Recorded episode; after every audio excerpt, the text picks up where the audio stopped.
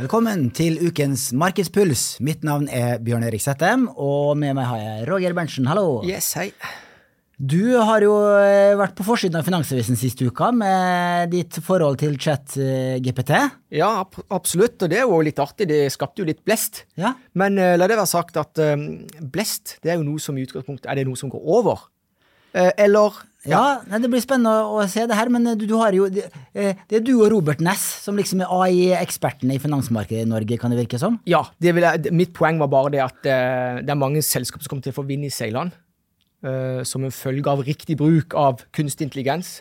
Uh, I alle sine produktkategorier, holdt jeg på å si. Og det var, for å summere, summere dette opp, så, så, for meg er ikke dette noe blest. Det skal ikke være dagens tema. Eh, jo, nå er vi ferdig med kvartalsrapporteringssesongen, så det har vært en rolig børsuke. Så, men det de fleste snakker om nå i aksjemarkedene, det er jo gjeldstak i USA, som det krangles mye om der borte. Og så skal vi også innom eh, de kontroversielle uttalelsene fra Norwegian-sjef Geir Karlsen som, som, falt på fredagen, der han mente at analytikerne ikke kunne regne. Det skal vi også dvele litt ved. Bra. Eh, Roger, gjeldstak i USA, det har jo en lang historie. Fortell. Ja, og vi må jo tilbake, Det ble jo innført tilbake i 1917, tror jeg. Eh, og det, det, er veldig viktig, for at i, i, i, i med, altså når du leser nyheter generelt, så vi mennesker vi frykter jo alt. Eh, og media elsker jo å fyre opp om frykt. Du har vært en del av uh, Du er jo journalist, ikke bare yrke, men av natur. Sånn at du, du forstår sikkert begge sider av det. Men, men, spørsmålet er som investor så er det jo viktig som å stagge frykten. altså Du må prøve å rasjonalisere ting. Og da er det jo viktig å få fram at gjeldstaket i USA det er ikke noe nytt. Det er innført første gang i 1917. og ved flere anledninger så har dette taket måttet blitt hevet, fordi at uh, gjelda til uh, USA har uh, økt gradvis.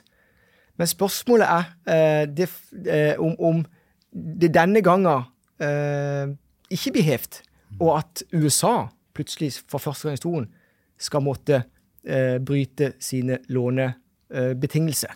Eller tilbakebetaling. Ja, og for de som følger oss på YouTube, vi har med en figur her også som viser gjeldstaket i USA siden 1980.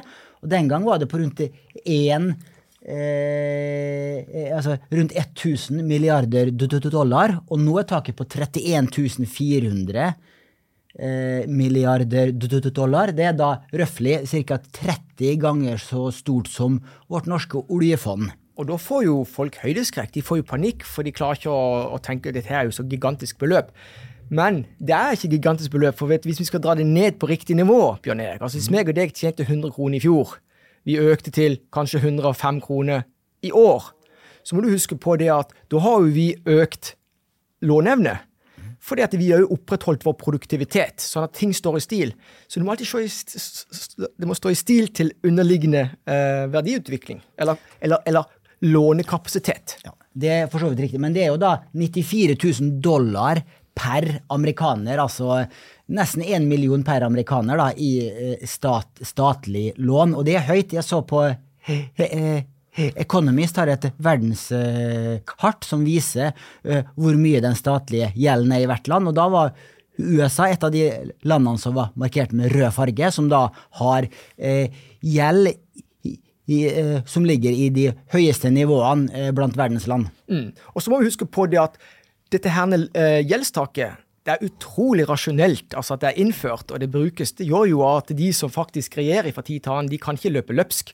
Så det blir si, tverrpolitiske løsninger på absolutt alle sånne store beslutninger pga. gjeldstaket. Så det er med på å balansere det. Så Ta f.eks. den der bankkrisa eller eurokrisa i sin tid, hvor Italia, Hellas, Spania Du husker jo det, mm. eller mange husker det. Var det tilbake i 2011?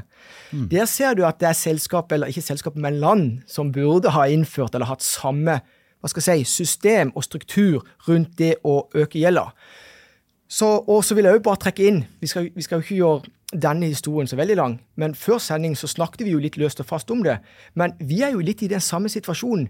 Norge burde jo hatt et hva skal jeg si, motsatt gjeldstak når det går på bruk av oljepenger. Det har ikke vi hatt. Handlingsregelen har vi jo. Vi har handlingsregelen, men den er basert på prosentsats, så dette er egentlig bare absurd. Han løper løpsk. Tar du tida til hjelp, Og husk, vi prøver jo å reklamere eller fortelle alle våre kunder, seere, lyttere rentes renteeffekten. Det er verdens åttende underverk. Tar du tida til hjelp, så, ja, så blir det jo ekstremt.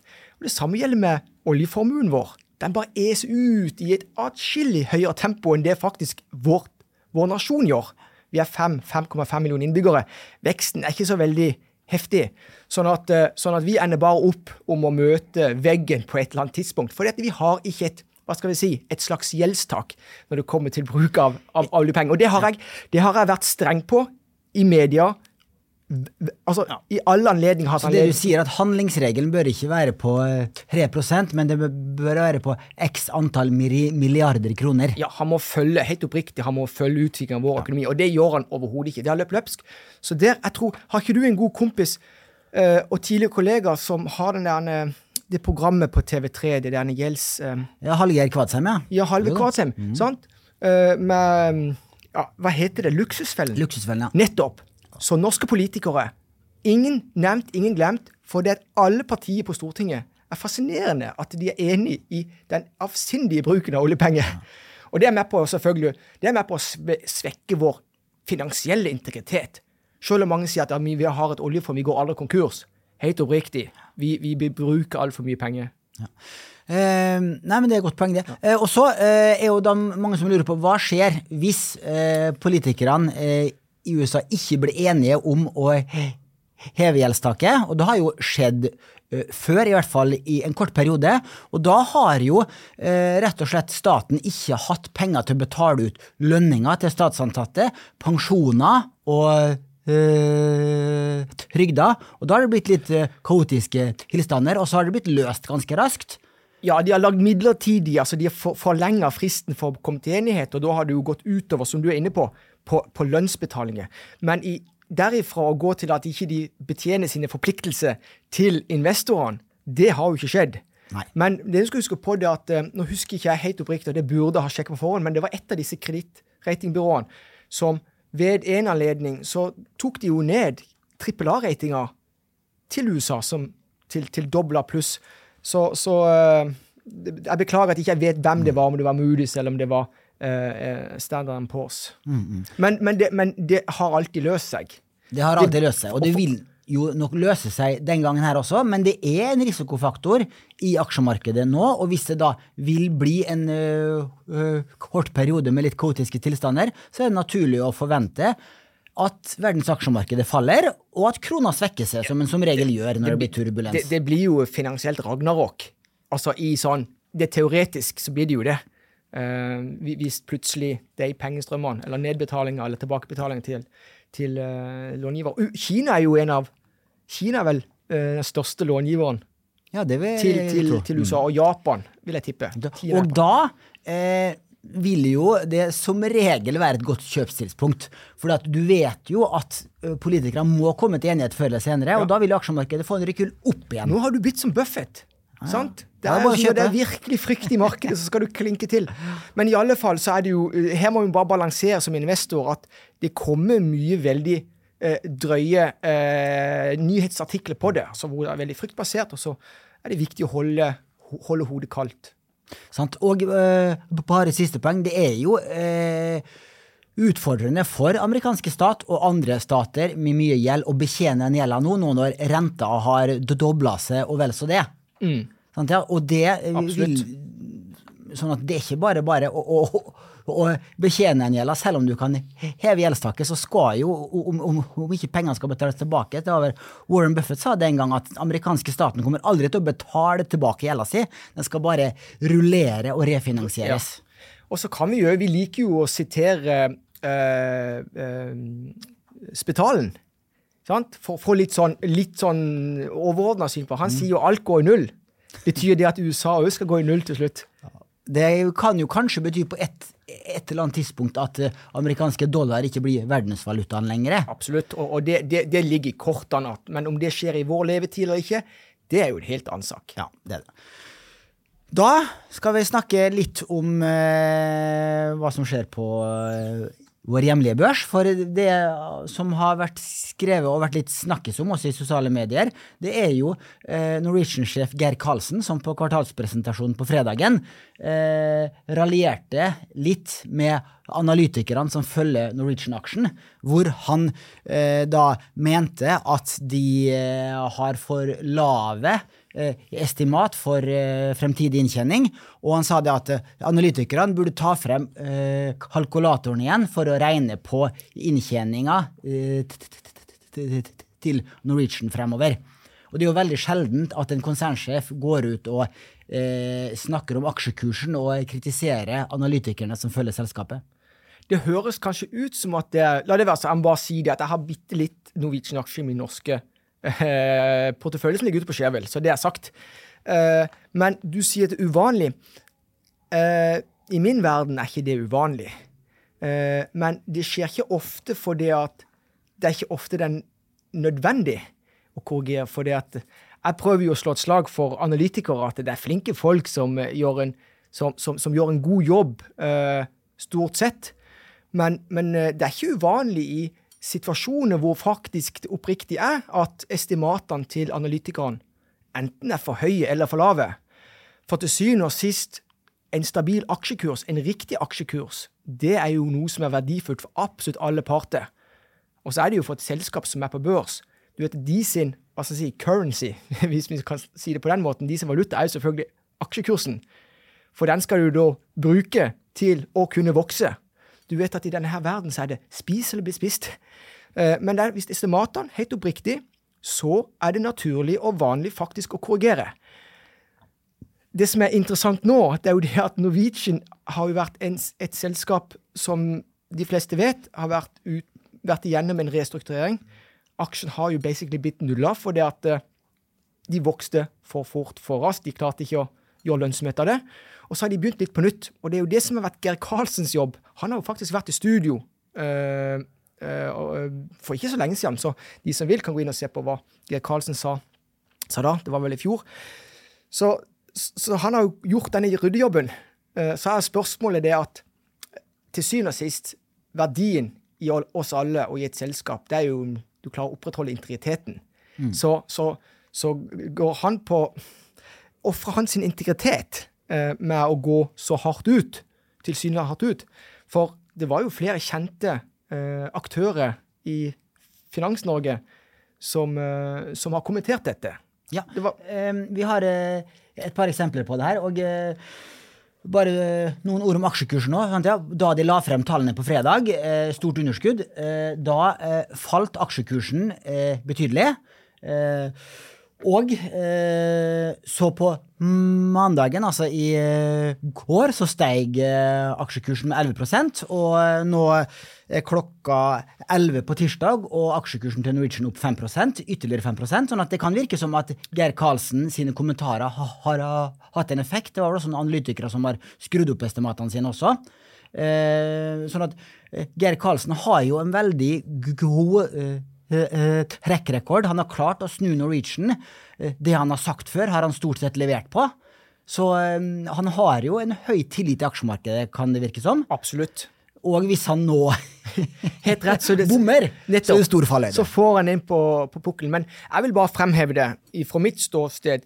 Så det er uvanlig i den forstand at det er ikke ofte det trengs å gjøres. Men når estimatene helt oppriktig i store selskaper, altså hvor analytikerne i store selskaper hvor estimatene faktisk er, er dårlige. For du, du, må jo anta at de på innsida vet mer enn de på utsida.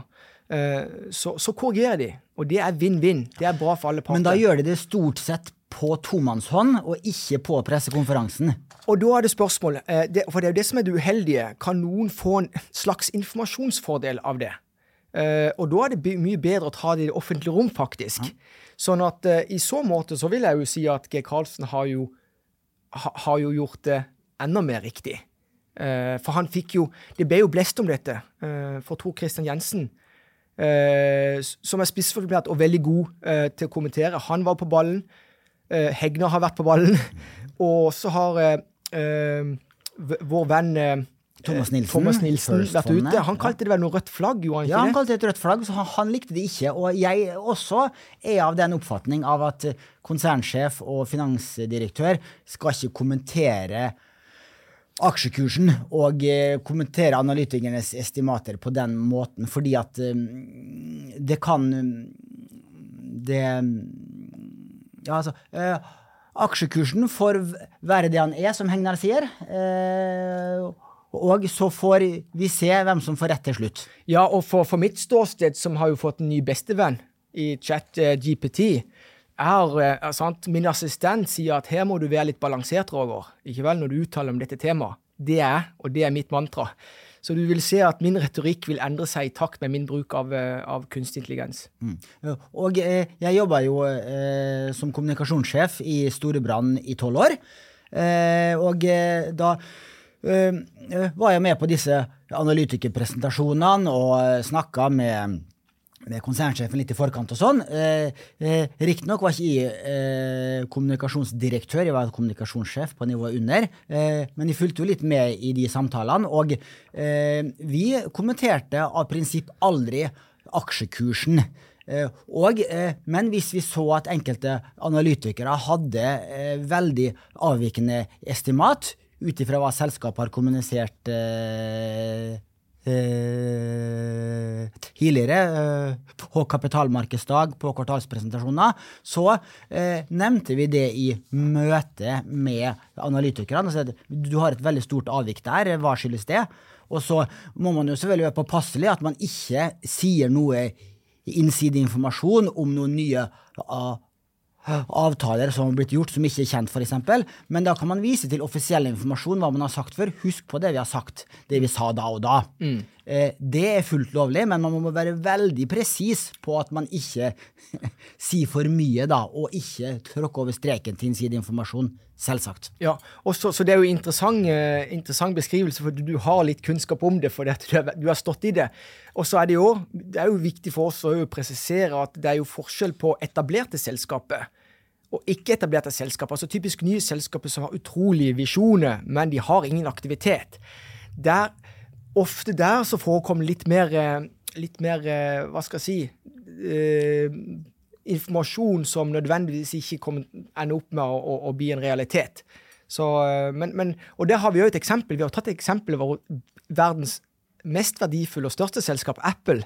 Eh, hvor hvor eh, Apples ledelse i 2019 gjorde faktisk det som eh, Geir Karlsen gjør i dag med Norwegian. Altså hvor de eh, Altså tallene i Kina svikta eh, brutalt. Og det er jo en parameter som analytikerne har fulgt for å prøve å, å, verdsette selskapet. Og de måtte jo nedjustere sine, sine estimater pga. den salgssvikten i, i, i Kina. Og da var ledelsen på ballen. Altså aksjekursen falt, husk på. Apple-aksjen falt kraftig da. Men da var de raskt ute med å lære analytikerne opp til å forstå hvilken, hvilken faktor er det faktisk som dikterer verdien her. Så de fikk enda mer inngående kunnskap om hvordan du bør verdsette Apple. Og det gjorde jo at aksjekursen kom opp, og Apple-ledelsen hadde helt rett. Så spørsmålet er det likhetstrekk mellom det Geir Karlsen gjør nå, og den hendelsen fra Apple i 2019. Eh, det vil jo bare tiden vise. Og så har vi jo nødt til å av, eh, avslutte på den positive. Det var vel egentlig sånn du starta. Positive sida. Det var sånn du starta. Du vet, Den største investoren i Apple, enkelteierne Apple, det vet jo de fleste. Det er ikke det norske oljefondet, det er Warren Buffett og Berkshire Hathaway. Han begynte å kjøpe aksjer i 2016, og han kjøpte mest sannsynlig mye aksjer i 2019 når analytikerne nedjusterte estimatene betydelig, på feil premisser. Eh, For eh, han ga iallfall uttrykk for et intervju med CNBC i 2019 at kommer prisen kraftig ned, så vil jeg kjøpe. Og det gjorde han jo i 2019, så mest sannsynlig så, så brukte verdens beste investor den anledningen, den gylne anledningen til å vekte seg opp. Det var som du sa, hvis gjeldstaket blir brutt og alt rakner. Uh, var det, det var mye lærdom der, var det ikke det? Ja, ja, Da er det bare å kjøpe. Når blodet flyter i gatene, skal man kjøpe. Yes. Hvis, hvis man tør. Hvis man tør, ja. Da, med disse ordene så avslutter vi eh, dagens Markedspuls. Så eh, takk for det som hørte, og så ses vi igjen om en uke.